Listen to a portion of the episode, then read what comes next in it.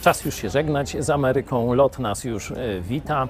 Jesteśmy po wszystkich czekach i czekamy na wejście na pokład. E, Jechałem, pamiętacie, z takim nastawieniem, że uda nam się przynieść trochę owoców, wymienić się zachętą z Polonią, głównie w Chicago, i to się świetnie udało. Polskie Centrum Chrześcijańskie e, w Chicago przyjęło nas. Kazanie możecie zobaczyć w, na naszym kanale, ale i całe spotkanie, bo kazanie było częścią wspaniałego przeżycia Bożej obecności i jedności z braćmi e, i siostrami z różnych kościołów chrześcijańskich e, z Chicago, polskojęzycznych i niekiedy angielskojęzycznych. To było naprawdę wspaniałe doświadczenie.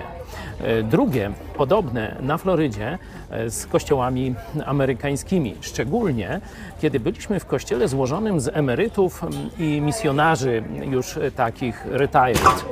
E, I wtedy e, no, zobaczyliśmy kwiat amerykańskiego chrześcijaństwa, bo było ich kilkuset w jednym kościele.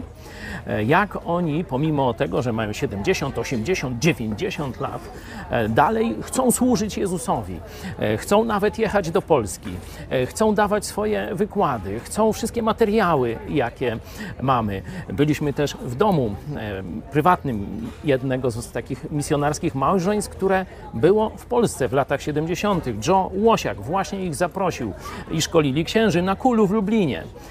I kiedy Żona tego misjonarza pokazała mi swoje drzewo genealogiczne, gdzie jej korzenie to jest XVI wiek, francuscy protestanci, hugenoci, e, którzy w wyniku tej nocy e, świętego Bartłomieja, gdzie e, katolicka królowa postanowiła wyrżnąć protestantów podczas wesela, oni im udało się uciec do Szwecji, potem do Ameryki i ona jest potomkiem tych protestantów. Także stwierdziłem, wow, ale czad.